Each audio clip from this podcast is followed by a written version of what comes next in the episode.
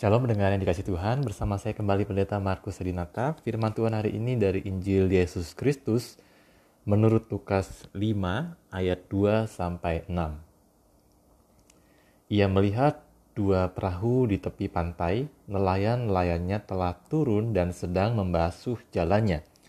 Ia naik ke dalam salah satu perahu itu, yaitu perahu Simon dan menyuruh dia supaya menolakkan perahunya sedikit jauh dari pantai. Lalu ia duduk dan mengajar orang banyak dari atas perahu.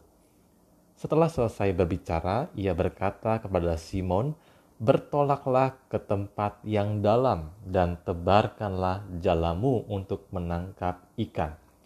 Simon menjawab, "Guru, telah sepanjang malam kami bekerja keras dan kami tidak menangkap apa-apa."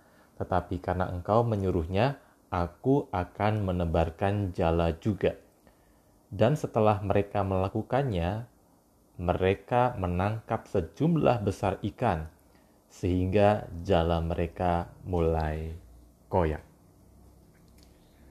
Pendengar yang dikasih Tuhan menarik dalam kisah ini di mana Lembaga Alkitab Indonesia memberikan judul penjala ikan menjadi penjala manusia. Kisahnya berlatar belakang di Danau Genesaret di mana Yesus pada saat itu mengajar orang banyak dari atas perahu yaitu perahu seorang yang bernama Simon.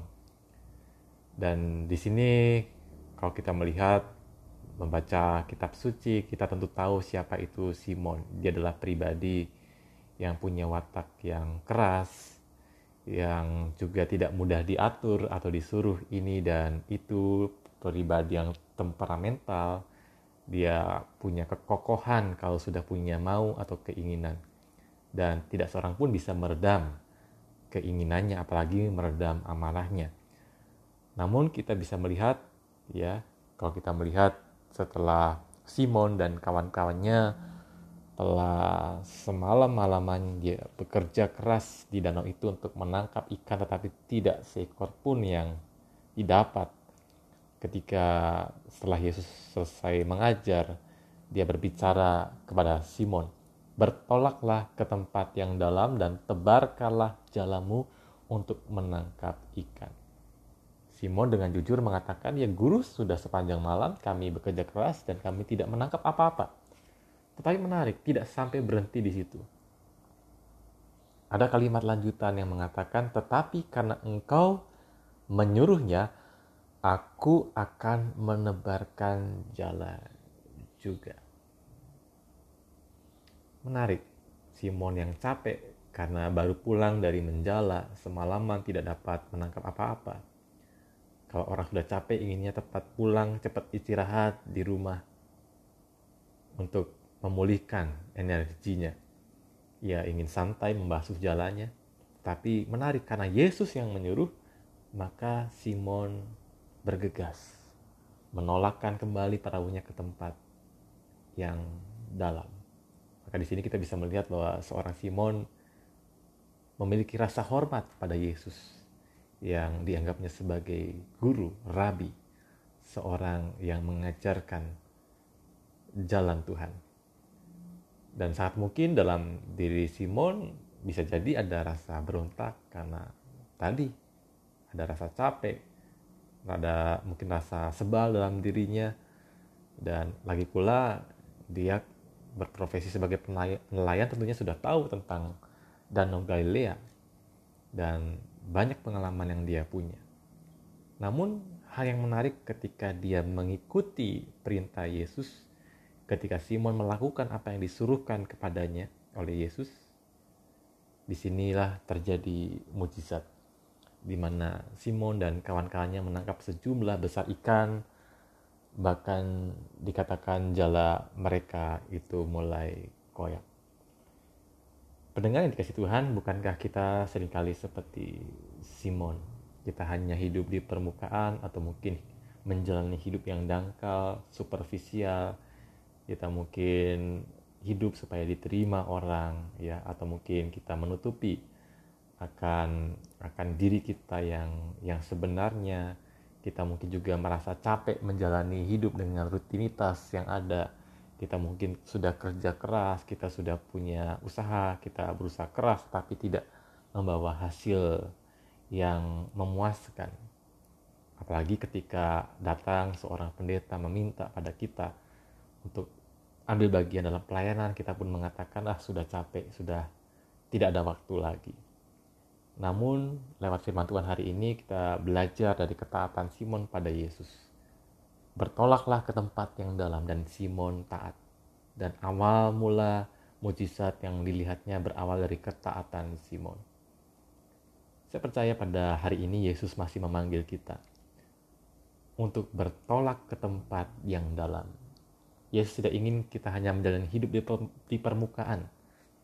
Yesus ingin agar kita mengalami suatu pengalaman personal dengan dirinya, di mana iman kita diperdalam, di mana pengenalan kita akan Dia semakin diperdalam, di mana kita akan semakin mengagumi akan kuasa mujizatnya yang masih terjadi dalam dalam kehidupan kita. Bertolaklah ke tempat yang dalam. Mungkin tempat yang dalam itu adalah di mana ada situasi yang yang baru yang yang mana Tuhan ingin kita bisa memberikan impact yang baik di dalamnya. Mungkin tempat yang dalam adalah suasana yang baru, atau mungkin suasana yang lama, tapi dengan kacamata yang baru kita mau memberikan hidup kita untuk Tuhan. Dan kita juga diajar untuk tidak lagi mengandalkan kepandaian kita, kebisaan kita, pengalaman kita, tetapi kita diajar untuk taat mendengarkan suara Tuhan, mendengarkan firman-Nya dan melakukannya. Dan ketika kita tidak lagi mengandalkan kemampuan, kebisaan kita, tetapi kita sungguh-sungguh taat dan bergantung pada Tuhan, maka kita akan dibuat, sering kali akan dibuat tercengang dan terkagum-kagum akan apa yang Tuhan kerjakan dalam dalam kehidupan kita. Miliki, milikilah hati yang taat seperti Simon. Mungkin kita capek, lelah, tetapi taatlah pada Tuhan maka kita akan dibuatnya kagum akan apa yang Tuhan kerjakan. Mungkin itu di tengah-tengah keluarga kita, pekerjaan kita, bisnis kita, pelayanan kita akan bertumbuh dan akan menjadi sebuah kesaksian yang yang indah dan memberkati bukan hanya untuk kita saja tetapi juga untuk orang-orang yang yang kita layani. Amin. Kita berdoa. Ya bersyukur Tuhan untuk firman Tuhan hari ini kami boleh belajar dari ketaatan Simon ketika kami boleh belajar untuk taat pada firman Tuhan. Sekalipun kami merasa lelah, capek dan mungkin melakukan banyak hal yang yang menurut kami sia-sia tidak menghasilkan tetapi ketika kami boleh taat pada Tuhan bergantung penuh pada kuasa Tuhan sering kali kami akan dibuat tercengang oleh apa yang Tuhan kerjakan melalui diri kami. Sehingga apa yang kami kerjakan sungguh-sungguh dapat memberkati tidak hanya kami tetapi juga orang-orang yang ada di sekitar kami. Mungkin itu adalah keluarga kami, rekan pelayanan, atau mungkin jemaat, atau mungkin umat yang kami layani, siapa pun. Kiranya juga lewat kehadiran kami yang mau taat dan setia kepada Tuhan, mereka juga boleh menerima berkat yang sama daripada Tuhan. Terima kasih Tuhan dalam Kristus kami berdoa. Amin.